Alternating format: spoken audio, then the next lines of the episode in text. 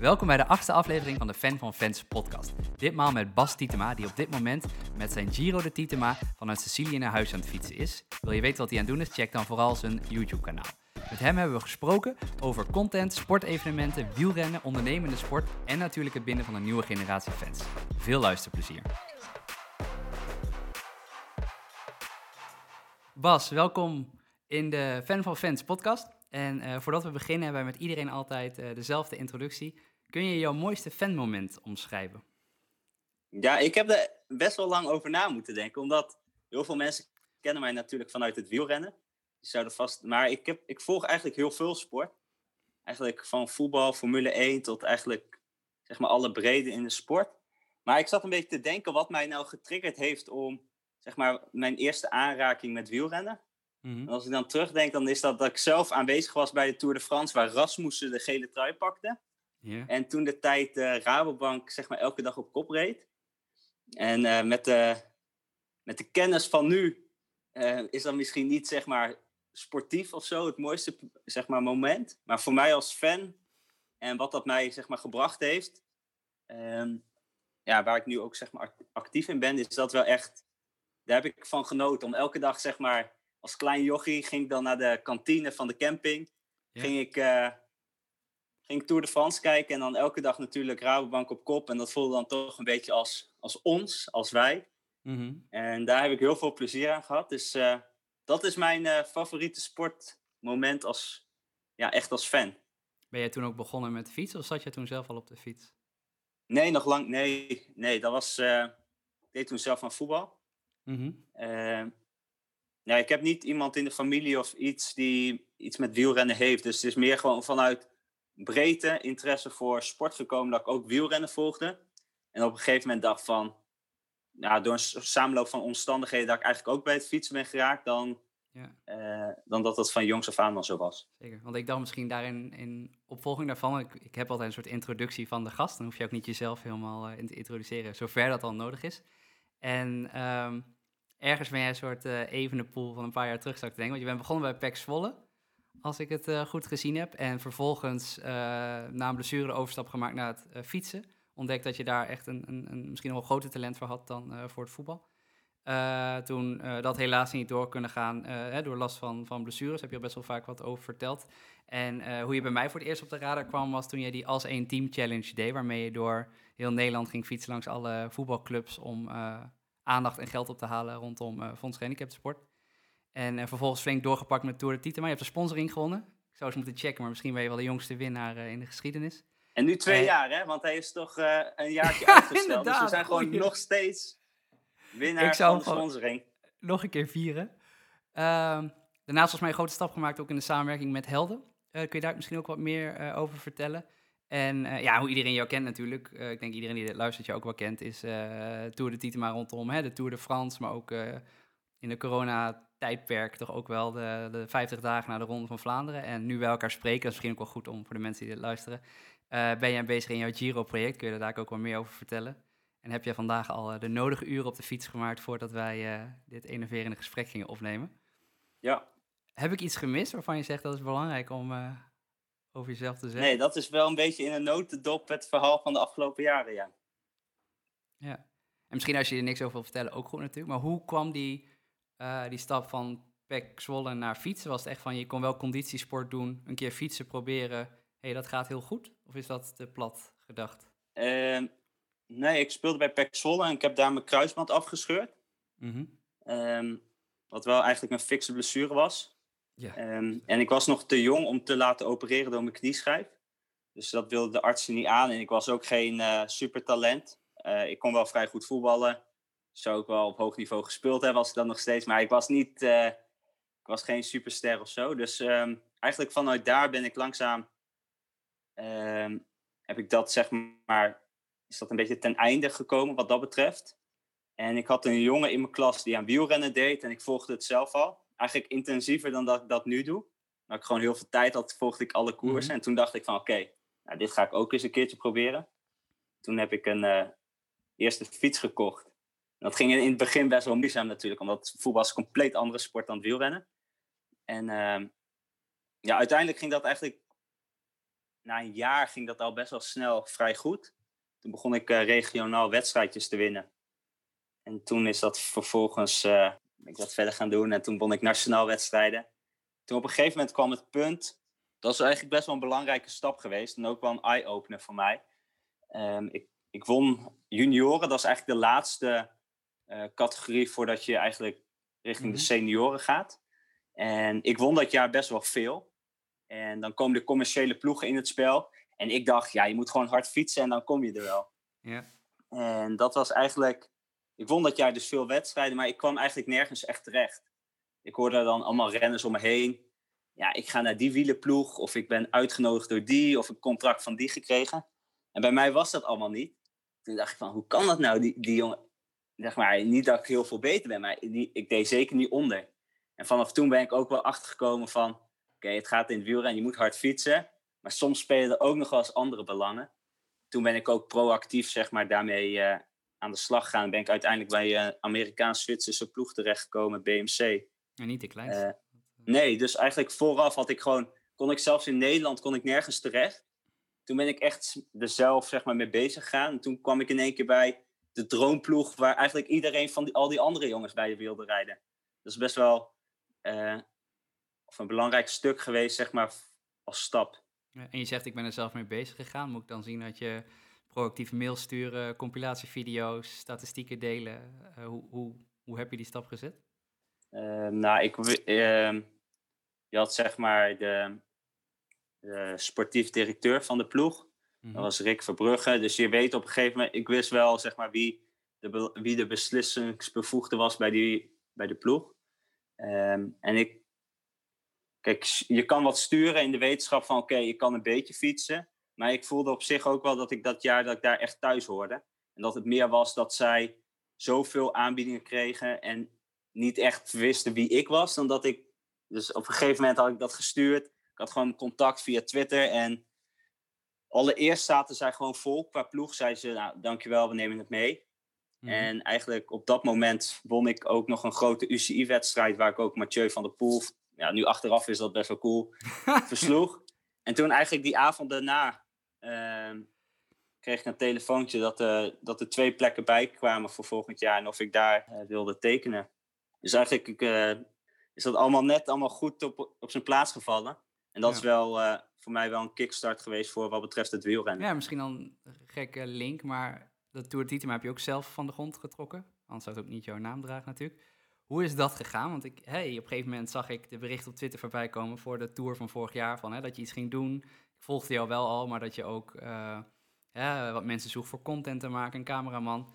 Maar waar is die, die knop bij jou omgegaan van... hey, ik ga de Tour op mijn eigen manier volgen en verslaan?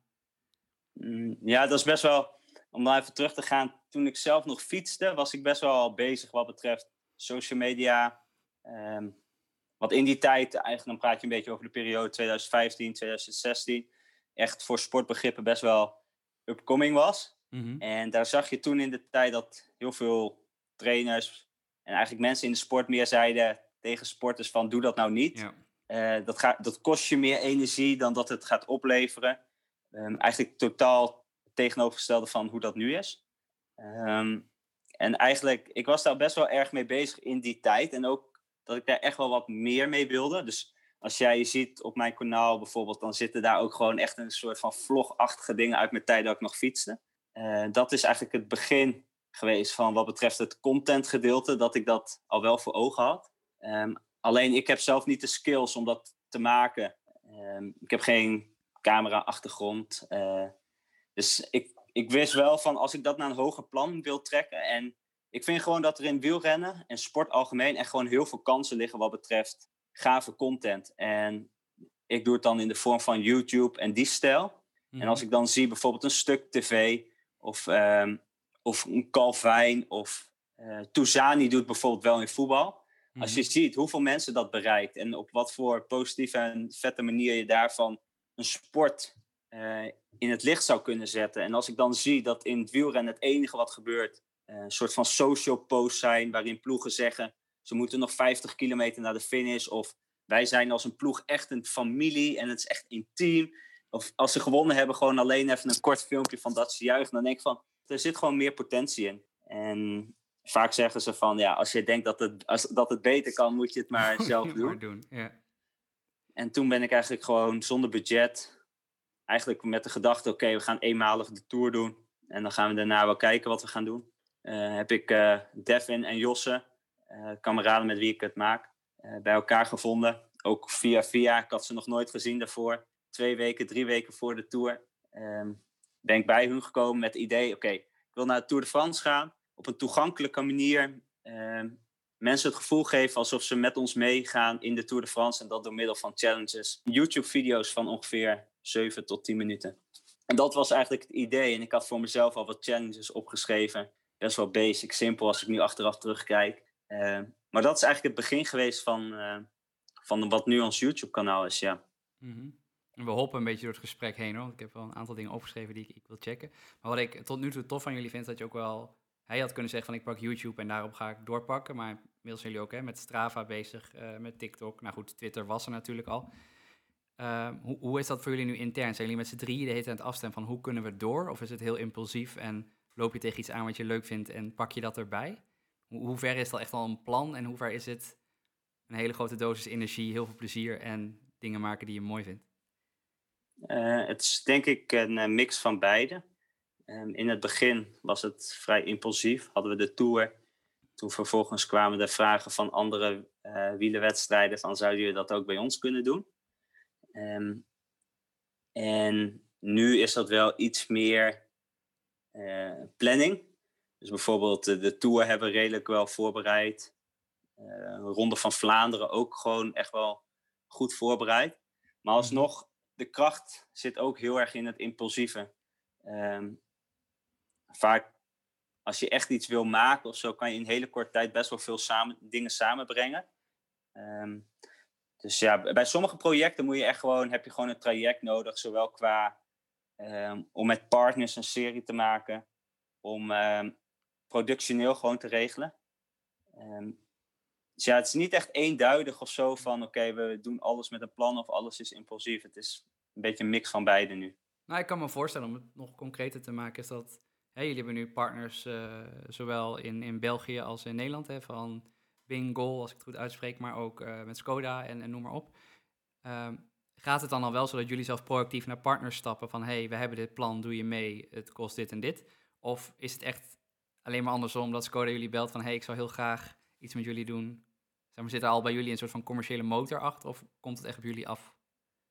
Um, nou, in het begin was het natuurlijk heel erg, was best wel moeilijk toen we begonnen was het echt van, oké, we hebben dit idee, zouden jullie ons alsjeblieft willen steunen om dit te maken? Um, en nu is het bijvoorbeeld nu de Giro. We maken nu een serie hier in Italië. Mm -hmm. hebben wij dat idee en dat leggen we dan voor bij, bij, bij Skoda, maar ook Shimano is ingestapt um, en Bingo. Um, dat zij op een gegeven moment vertrouwen wel in hebben dat wij er een gave serie van gaan maken. Ja. En dat zij eigenlijk meer zeggen van oké, okay, wat voor rol kunnen wij daarin hebben? Um, hoe kunnen we dat invullen? En op welke manier komen wij daar zichtbaar in? Maar zelfs in het zichtbaarheidsgedeelte zei, kijk, wat wij, wij willen niet de keiharde influencer reclame. Wij willen op een mooie manier partners, zeg maar, ja. Uh, samenwerkingen mee doen. Uh, dus je zou bij ons niet snel op Instagram een, een zeg maar een, een, korte ad of iets uh, vinden. Um, dus, die, zeg maar, dus dat is best wel proactief. Dus als wij dat idee hebben, en dat is natuurlijk ook wel gegroeid, omdat we de Ronde van Vlaanderen serie die we gemaakt hebben, werd gewoon heel goed bekeken. Mm -hmm. uh, de Tour de France serie hetzelfde. Dat ze nu daarin wel een bepaald vertrouwen hebben. Dus dat is wel heel fijn. En is dan ook al, in hoeverre je erover wil vertellen, Tour de Tietema echt dan op zichzelf staan bedrijf waar jullie met z'n drieën ook fulltime aan kunnen werken? Of, of is de constructie met helden dat je daar ook een, een deel salaris op haalt? Hoe heb je het ingeregeld dat je het ook zo kan doen? Want jullie stoppen er wel echt meer tijd in dan een paar kwartiertjes per dag uh, iets bedenken. Ja, het is, uh, het is fulltime. Dus uh, nee, wij zijn daar nu met z'n drieën fulltime mee aan de slag. En ja, je kan eigenlijk wel zeggen dat het gewoon een, een bedrijf is op zichzelf, ja. Is dat dan ook de samenwerking met met helden wat daar een rol in speelt? Of zijn jullie echt een helemaal op zichzelf staand BV en uh, haken zij bij jullie aan waar nodig? Ja, wij zijn met Tour Titema zijn we een op zichzelf staand uh, Dat is een verdeling die wij met z'n drieën hebben.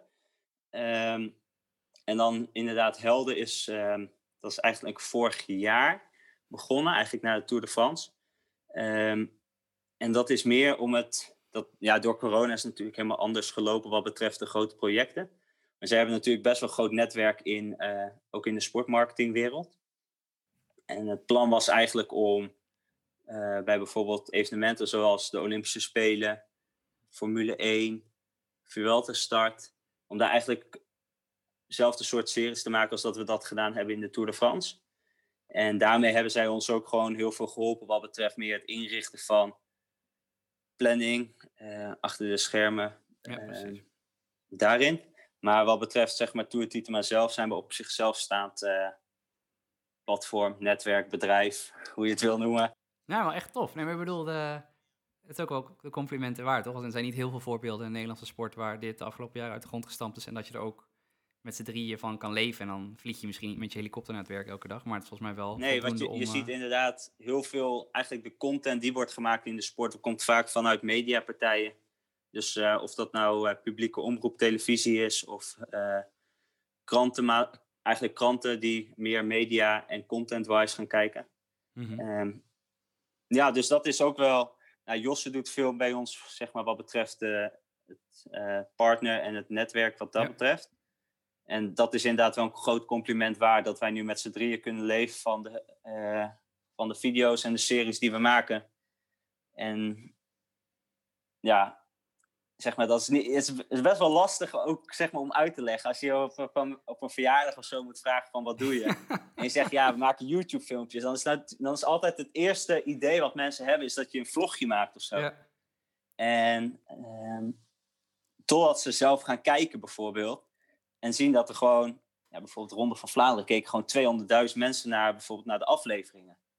En ja, ik zag ja, ook de zelfs... Challenge bij de Tour. Uh, ik zat net ook even doorheen te scrollen, 300.000 plus. Dus dat zijn wel... Uh... Ja, ja, maar dat zijn best wel echt gewoon serieuze aantallen.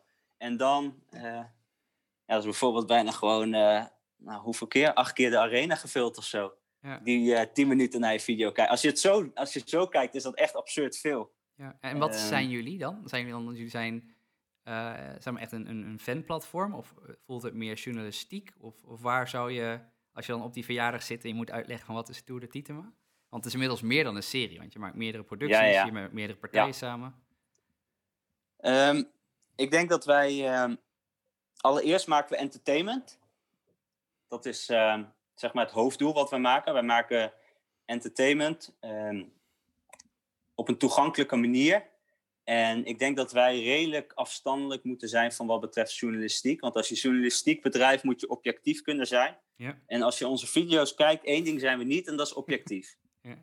Als iemand uh, vaak voorkomt of die vindt ons vet, komt hij ook vaak terug in video's. Dus uh, journalistiek zou ik het echt absoluut niet noemen. Uh, maar ik denk wel dat wij een functie kunnen hebben om jongeren die vaak minder eigenlijk, het, je hoort best wel vaak artikelen langskomen waarin mensen zeggen, we hebben moeite om jongeren te bereiken uh, met onze sport. Of uh, je ziet een vergrijzing van het publiek dat naar onze, naar onze sport kijkt. En in het wielrennen is dat bijvoorbeeld helemaal extreem. Um, en dan zie ik vervolgens zie ik vrij weinig gebeuren. En als wij kijken naar ons publiek dat op YouTube kijkt, is relatief voor YouTube heel oud. Maar voor mhm. sport is het weer heel jong. En daarin denk ik wel dat wij een hele mooie opstap kunnen zijn voor mensen die niet echt een hele dag naar wielrennen gaan kijken of naar, of naar sport gaan kijken. Mm-hmm. Maar vervolgens wel kijken naar onze video's en daardoor interesse krijgen in de sport. En daar hebben we al heel veel voorbeelden van, van mensen die zeggen, ja, ik kijk eigenlijk nooit naar wielrennen, maar die video's van jullie vind ik hartstikke leuk. En dan in één keer leren ze renners die bij ons in de video komen, die eigenlijk helemaal niet de beste zijn van het peloton, die ja. kennen ze wel. En dan de goede renners kennen ze niet. Dus daarin, um, ik denk dat dat ook een beetje onze rol is in wat wij maken, is dat wij een breed publiek kunnen enthousiasmeren voor een specifieke sport. Ja, en merk je dat ook wel? Want ik uh, heb dan beide series gevolgd, als ik pak nu even de Tour-series. Uh, en ik, ik kon heel goed voelen en ik vond dat jullie het goed deden hoor. Maar dat het spanningsveld is waar jullie het eerste jaar een beetje de luis in de pels waren. Die overal naar binnen kropen en alles proberen voor elkaar te krijgen. Wat in principe in de serieuze UCI Tour niet mag. En je kon dit jaar al wel meer zien dat de wielenwereld begint wel heel goed natuurlijk te zien van... hey, uh, Bas en zijn clubje voegen wel wat toe, we moeten er ook iets mee. Heb je daar voor jezelf ook het gevoel van dat je wel de kijker nog steeds het gevoel wil geven dat jullie wel echt een... Hey, jullie slogan is van, hè, willen voor jou de, de, sportwereld, op jouw sportwereld op zijn kop zetten. Uh, dat dat ook zo blijft, zeg maar. Dus dat je niet dadelijk gaat denken van, ja, Bas wordt ingehuurd door de Bing Bang Tour of door de Tour of door Amstel Gold Race of uh, WK wielrennen waren jullie. En dat het dan, inderdaad wat je net ook zei, dat je die, die grens gaat opzoeken van influencer of eigen toffe dingen maken die toevallig gesponsord worden.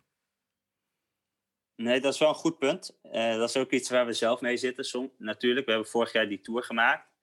waarbij wij zonder accreditatie er naartoe zijn gegaan. Um, je weet natuurlijk dat je dat niet altijd kan blijven doen. Ook als je bijvoorbeeld groeit. Je, uh, wij zijn daar zonder accreditatie naartoe gegaan, waar natuurlijk andere partijen ook gewoon uh, behoorlijke budgetten betalen aan, de, aan de ASO om überhaupt te kunnen filmen. En wij stappen een hekje over en filmen het ook. Um, dus daar zijn we ook wel van bewust. En daarnaast kwam natuurlijk ook dit jaar corona erbij, zeg maar, wat betreft uh, restricties voor mediapartijen om er überhaupt naartoe te kunnen. Um, dus dat is denk ik ook direct het antwoord van hoe wij dit jaar hebben opgelost of het verhaal hebben verteld. Vorig jaar zijn we zonder accreditatie gegaan, maar dit jaar was de voorwaarde om überhaupt naar de Tour te kunnen, was om een coronatest te doen en met accreditatie. Dus dat is eigenlijk het verhaal geworden van dit jaar de Tour de France. Maar ik ben wel heel erg met je eens van wat wij doen is natuurlijk, er zit altijd, moet wel een spanningsboog in zitten. En ik denk dat we dat in zowel de Ronde van Vlaanderen serie, waarbij we meer op onszelf gericht zijn en daar ons uitdagen, dat dat, best, dat, dat heel goed is gelukt. Ja.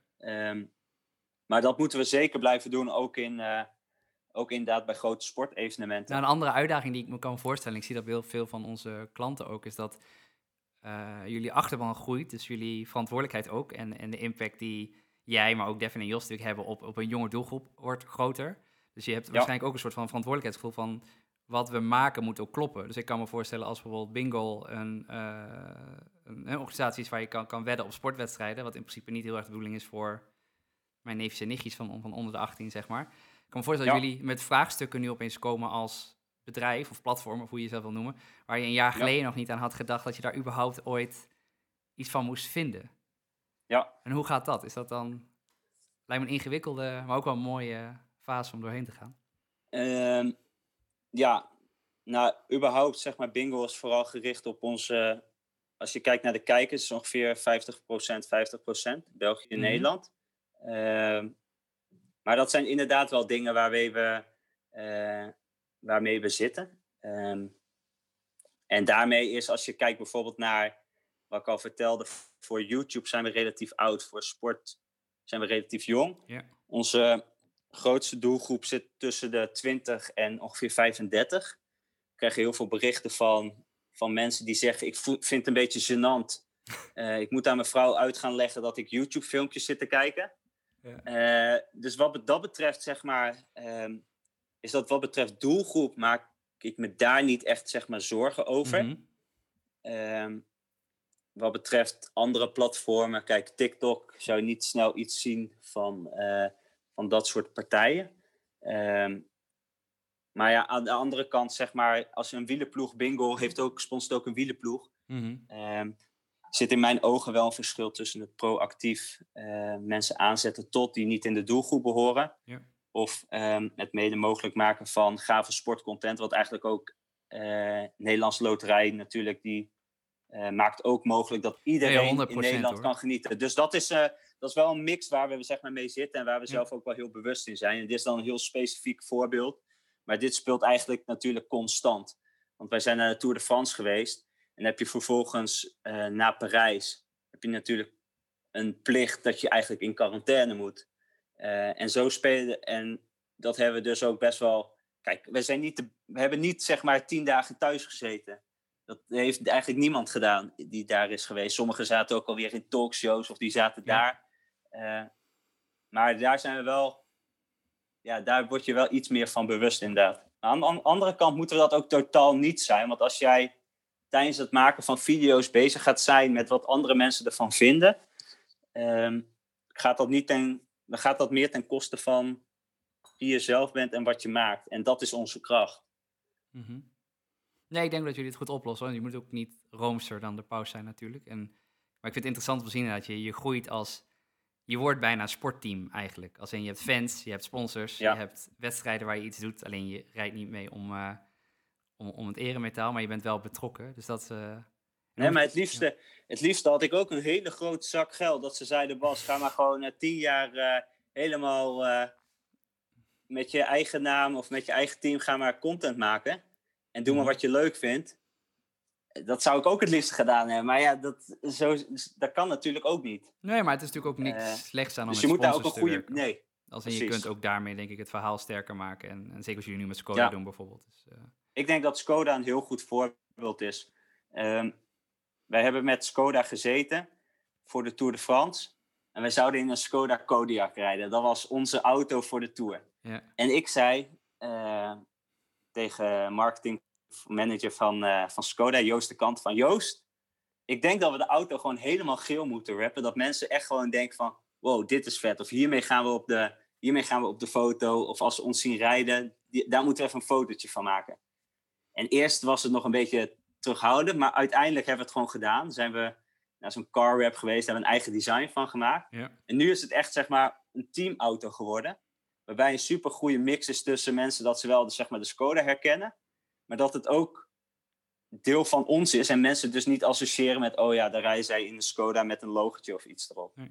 En, wat ik ook een hele eh, sterke vond om daarop door te pakken, is dat jullie ook met BioRacer natuurlijk ook, als je even de vergelijking met een club of een team blijft trekken, ook je eigen uh, pakjes hebben die je ook kan aanschaffen. En dat je ook kan fietsen in en uh, dat is natuurlijk ook iets waarbij je, als je het hebt over dat sponsors helemaal niks slecht zijn, denk ik, voor zo'n traject, dat ook dat is versterkend aan sportbeleving. Ik kan dadelijk gaan rondfietsen in, nou, ik ben meer de Devin van mijn fietsgroepje dan dat ik de Bas ben, maar in een eigen pakje en daar uh, iets van, beleven en voelen. Ja, en daar zit voor ons ook heel veel toekomstperspectief nog in.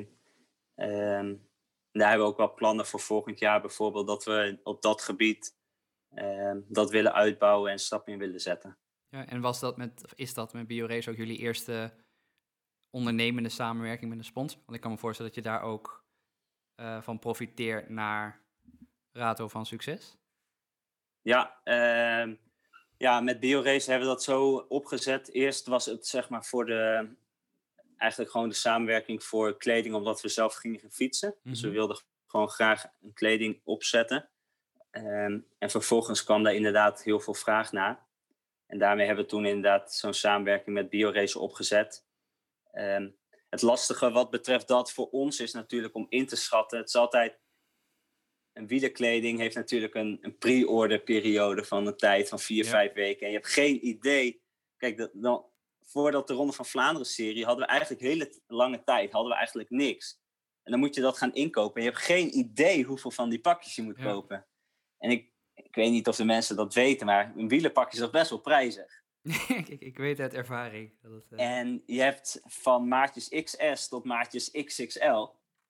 En als je dat zeg maar op voorraad moet leggen, dat, dat zijn allemaal best wel, uh, best wel lastige dingen. Als je dat naast het maken van YouTube-video's en je doet dat met z'n drie en je moet dat op poten zetten, mm -hmm. dan best wel lastige uh, lastige ja, dingen waar je mee te maken hebt. En vervolgens hebben we het door middel van pre-orders gedaan. Dus uh, mensen hadden vier, vijf weken ja. leeftijd. Um, vonden ze hartstikke prima. Um, maar daar willen we ook, zeg maar... Nu zijn we heel druk bezig, vooral met het maken van content. Straks komt het winterseizoen eraan. En willen we dit soort dingen inderdaad optimaliseren. Uh, om dat nog gestroomlijnd te laten gaan. Eventueel eigen voorraad. Um, ja, ik denk dat dat ook een heel goed inkomstenverdienmodel is. Um, Waar het wielrennen ook, denk ik, nog iets meer uit kan halen. Door gewoon echt fans te creëren. Wat je ook een beetje met voetbal, met voetbal hebt. Maar het is in het wielrennen iets lastiger, volgens mij. En, en hoeveel mensen fietsen er rond in een, in een Tour de Titema pakje? Heb je daar een beetje een schatting bij? Uh, de wielenpakjes, volgens mij, hebben we 200 sets verkocht. Ja. Dus zeg maar 200 sets shirtjes en broekjes. Uh, maar het meeste wat mensen echt dragen is gewoon het casual shirt. Uh, en dat is ook inderdaad meer op de jongere doelgroep gericht. Um, had ik vorig jaar tijdens de Tour, dacht ik van ja, je moet eigenlijk die mensen gewoon wat geven. Net zoals in de Tour de France. Zo'n, dus ik had gewoon van die Alibaba shirtjes voor uh, 1 euro, 1 euro laten, laten drukken.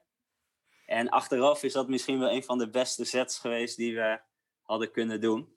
Ehm, en je ziet gewoon heel veel mensen die dan op de bank bijvoorbeeld in zo'n shirtje gaan kijken. Of uh, langs de kant staan. Of...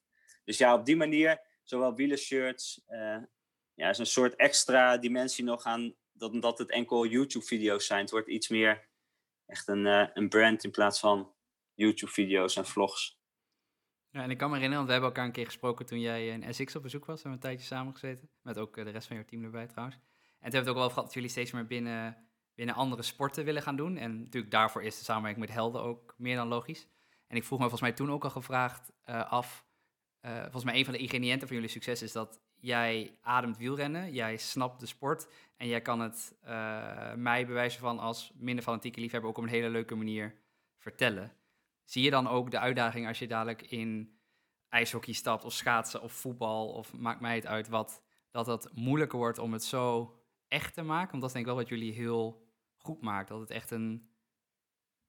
Het komt echt um, uit de sport. Ja, aan de ene kant uh, zeg maar, in het wielrennen ben ik natuurlijk degene die wordt neergezet als degene met de kennis en know-how van de sport en die dat overdraagt aan bijvoorbeeld andere aan kijkers of aan Jos en Devin die nu zelf fietsen. Um, dus zeker natuurlijk daarin is het wielrennen is wel heel duidelijk en geloofwaardig voor mensen.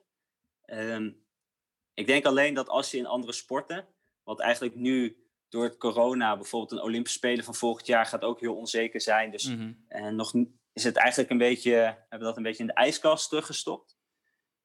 Uh, maar als we dat gaan doen, denk ik dat het heel erg goed is om te vertellen en heel duidelijk in te zijn van oké, okay, wat je positie in een bepaalde sport is. Ja. Als ik bijvoorbeeld een andere sport instap en daar gewoon echt niks van weet, en wij moeten binnen, bijvoorbeeld, wij moeten binnen 50 dagen ons kwalificeren voor, noem wat. We doen mee met het uh, Nederlands kampioenschap darts of we gaan, ja. uh, we gaan bobsleeën met z'n drieën. Nou, dat, dat kan prima, denk ik. Um, alleen inderdaad is wel heel belangrijk om duidelijk te zijn van wat je positie in, de, in die sport is. Ja. En is het dan ook mogelijk dat, het heet natuurlijk Tour de Titema en jij bent wel, niks te nadelen van Jos en Devin, maar wel meer het gezicht, dat als Josse volgens mij uit voetbal komt dat, en het wordt een voetbalserie, dat hij ook meer naar voren geschoven wordt, dat het uiteindelijk een breder platform wordt dan de club van Bas? Of zie je wel altijd het sterkste dat jij het verhaal vertelt met versterking van de rest van het team?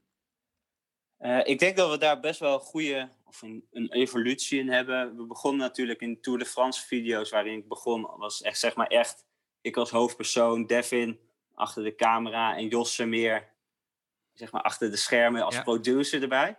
Waarbij zij echt een, ja, een, een verminderde rol, maar minder uh, voor de camera waren. Um, en als je ziet in hoe dat nu is in de video's, is het al best wel zeg maar, het, eigenlijk is het al, iedereen heeft zijn eigen persoonlijkheid. Alleen als er dingen gepresenteerd inderdaad worden, of meer zeg maar als iets voorgedragen wordt, dan ben ik dat meestal in dat geval. Mm -hmm. Maar wat betreft zeg maar verhaallijn is dat al wel veel meer uh, dat iedereen zijn eigen karakter, uh, persoonlijkheid heeft gekregen in de serie. Dus uh, het zou zeker kunnen dat als het een andere sport is, dat dan bijvoorbeeld de ander meer nog iets meer naar de voorgrond komt. Helder als je blanco check krijgt en je mag één serie maken, maakt niet uit welk sportevenement ter wereld, en je krijgt daar uh, oneindige ruimte voor, waar zou je dan nog heel graag heen willen? Uh, nou, hier hebben we het best wel vaak over met z'n drieën, wat ons gaaf lijkt. En meestal komt er dan uit dat we alle drie wel iets graag zouden willen doen in Amerika.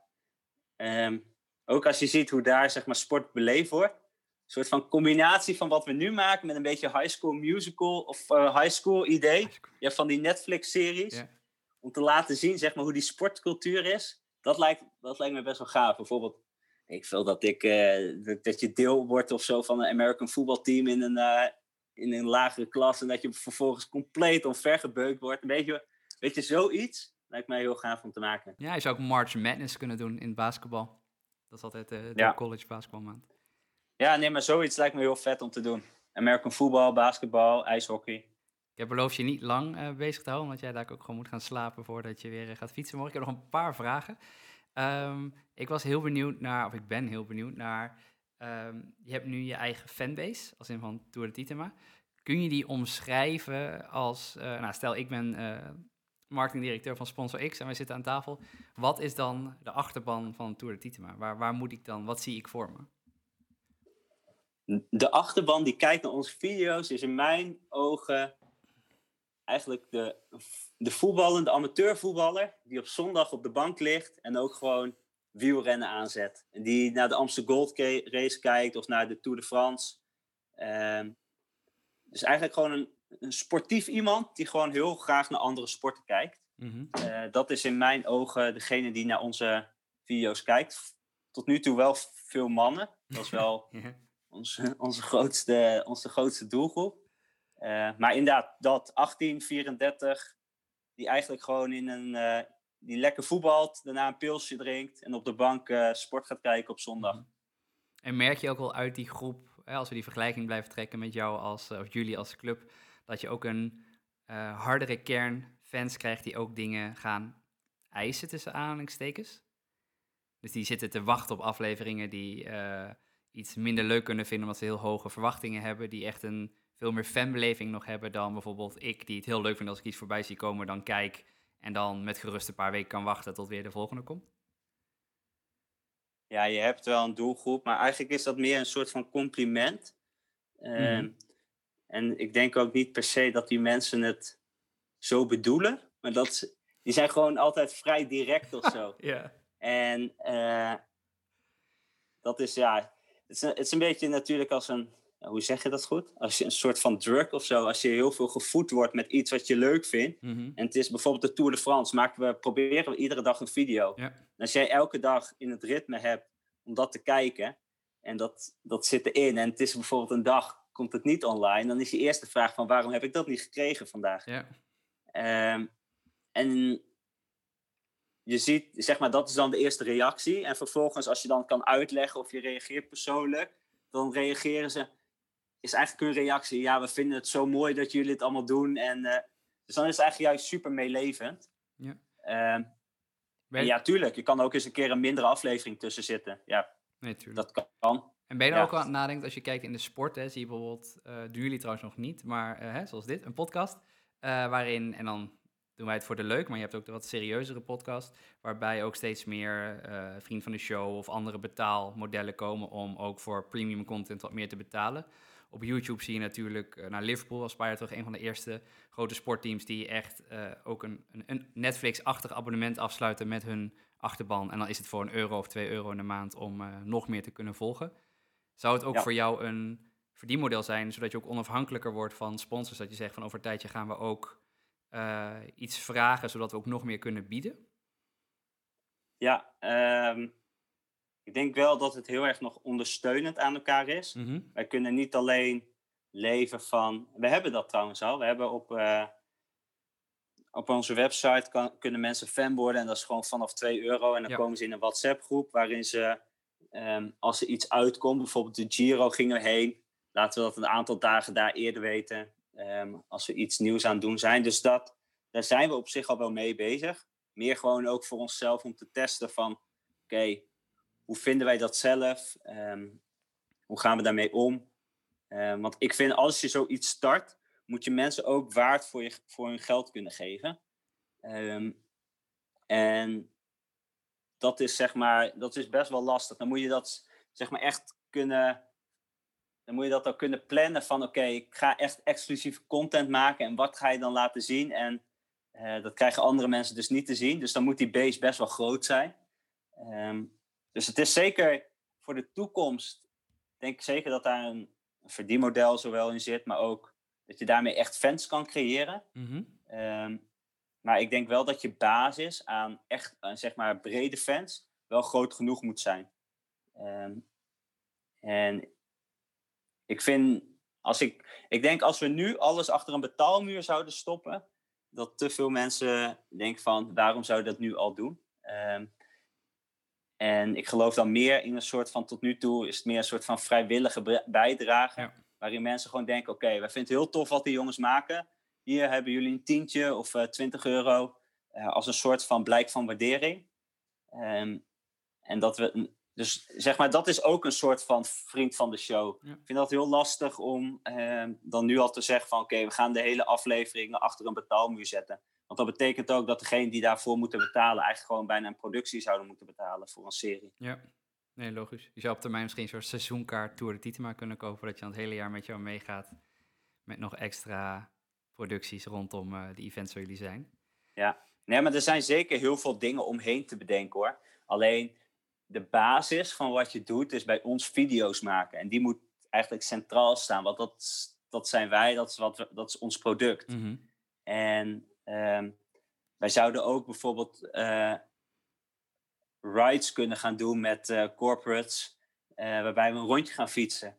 We, zouden, ja, we zouden ook bij bedrijven kunnen gaan vertellen over hoe wij onze content aanpakken als een soort van consult. Mhm. Ehm, er zijn allemaal dingen die we daarnaast zouden kunnen doen. Maar je kan natuurlijk de energie en tijd die je hebt niet non-stop zeg maar, uit blijven geven. En wat wij nu doen, hebben we al handen vol aan. Mhm. Dus ik denk dat de dingen die we nu hebben ingericht, en denk aan de video's, kleding, webshop, eh, die fan van de vriend van de show, zeg maar meer professioneel, of eigenlijk verbeteren, dat we daar, als we daar deze winter nog gewoon in kunnen professionaliseren, dat we daar al gewoon dat goed doen. En daarna even een volgende stap. Dan dat we honderd dingen doen waarvan op een gegeven moment na een half jaar sommige dingen zijn van uitgedoofd. Helder, ik heb nog twee eh, vragen voor je en dan ben je, ben je van ons af. Eh, de eerste, stel jij zou nu eh, hiermee stoppen en jij wordt, laten we zeggen, marketingdirecteur bij Sunweb of een andere ploeg van formaat. Wat zou jij dan nu gaan doen met ploegen die, wat je nu nog niet ziet? En zou je nog wel een slag verder kunnen? Want je hebt natuurlijk, nu ben je met Tour de Titema, maar zijn je middelen beperkter dan dat je met Ja. Sunweb of Jumbo-Visma of Ineos of noem maar op eh, aan de bak zou kunnen? Wat, wat zou ik als fan te zien krijgen als jij eh, daar met de scepter mocht zwaaien? Of jullie team, ik zal het breder trekken. Nou, ja, hier heb ik wel. Ik denk dat ik hier wel wat over kan vertellen. Ehm, Oké, laat ik allereerst zeggen. eh, ik weet natuurlijk niet altijd wat de doelstellingen zijn van de wielerploeg. Want je hebt sommige ploegen die hebben gewoon.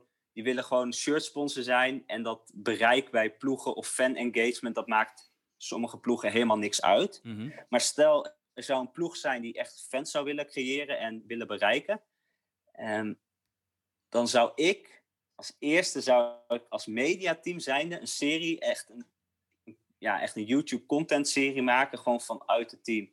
Ehm, qua voorbeelden, Orica Green Edge heeft dat een aantal jaar terug gedaan. Mhm. Waarbij ze echt tijdens de tour dagelijkse echt video's vanuit het team lieten zien. Ehm, alleen wat nu heel vaak gebeurt is, ze maken bijvoorbeeld een docu. En die wordt dan achteraf verkocht. Ja. En die wordt bijvoorbeeld drie of vier maanden later wordt die uitgezonden. Ja, zoals Videoland met En- de Vuelta van vorig jaar.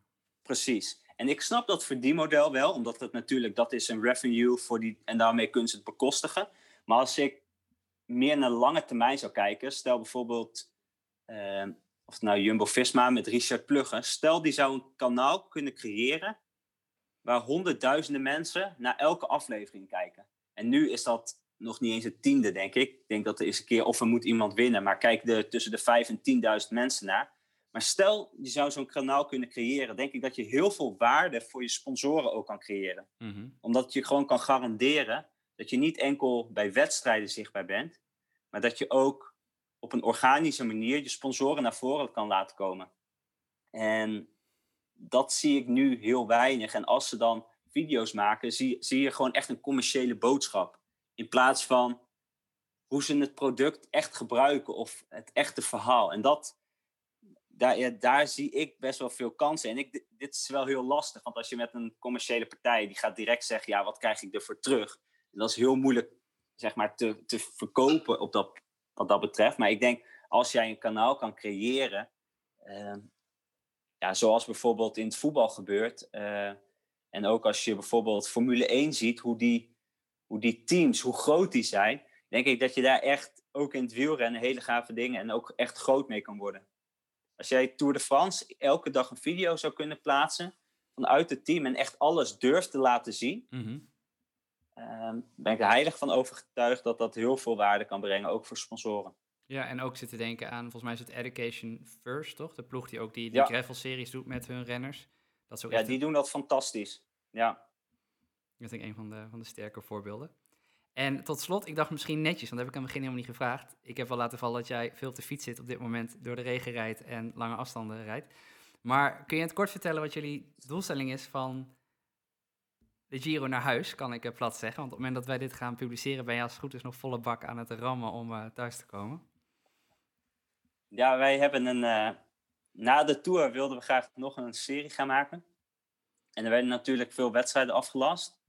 Dus we zaten rond de Giro te kijken. En toen, eigenlijk vijf, zes dagen voordat we vertrokken zijn, over impulsief gesproken, kwamen we op het idee dat er wel eens. Uh, zaten we te kijken hoe ver Sicilië naar, uh, naar Nederland was. En toen dachten we van, nou, dat kan wel spannend worden als we dat in dezelfde aantal dagen kunnen doen als dat de Giro duurt.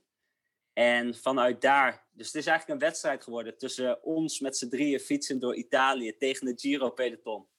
Um, en wij moeten zelf de route uitstippelen. Uh, we moeten met z'n drieën moeten we elke dag finishen. En dus het is een beetje een soort combinatie tussen een wedstrijd en drie op reis. Cool. Hoe gaat het tot nu toe? We zijn nu een paar dagen onderweg. Uh, fysiek zwaar. Uh, Content-wise denk ik dat het een hele leuke serie gaat worden. Nou, beter dat dan andersom, kan ik me voorstellen. Uh, ja, maar ja, het een heeft altijd, zeg maar... Is een beetje fysiek. Ik heb bijvoorbeeld vandaag de hele dag regen. Dan weet je gewoon, mensen gaan ervan smullen. Mm. maar, ja, voor je, maar ja, als je zelf naar de kloten bent... betekent ook dat de videocontent later online komt. Omdat je gewoon niet eens meer energie hebt om te kunnen editen. Ja. Dus... Uh, moet altijd een beetje in balans zijn. Ja. En dan uh, tot slot, echt alle slot. Uh, Kelderman is vandaag uh, top 3 binnengereden. Durf jij een voorspelling te doen waar hij staat op het moment dat jullie tegelijk met hem de finish passeren? Um, ik denk niet dat hij gaat winnen, maar ik denk wel dat hij podium kan. Derde. Ik zou het heel mooi vinden als hij. Hij heeft natuurlijk best wel een carrière gehad met best wel veel downs voor het talent van wat hij had, mm -hmm. of dat hij heeft. Dus ik zou het best wel mooi vinden als hij voordat hij volgend jaar weggaat naar Bora, dat hij een keer podium zou kunnen rijden in een grote ronde. En ik denk dat dat er wel in zit. Cool, dankjewel. Sterkte morgen. En uh, juich een beetje voor Devin. Dat is volgens mij altijd een beetje de, de publieksfavoriet. Ja, ja Team Devin, dat is wel echt een hashtag aan het worden hoor. Ja. De fans zijn echt uh, Team Devin. Tour de Devin komt binnenkort. Cool, dankjewel voor je tijd en uh, succes. Dankjewel Nico.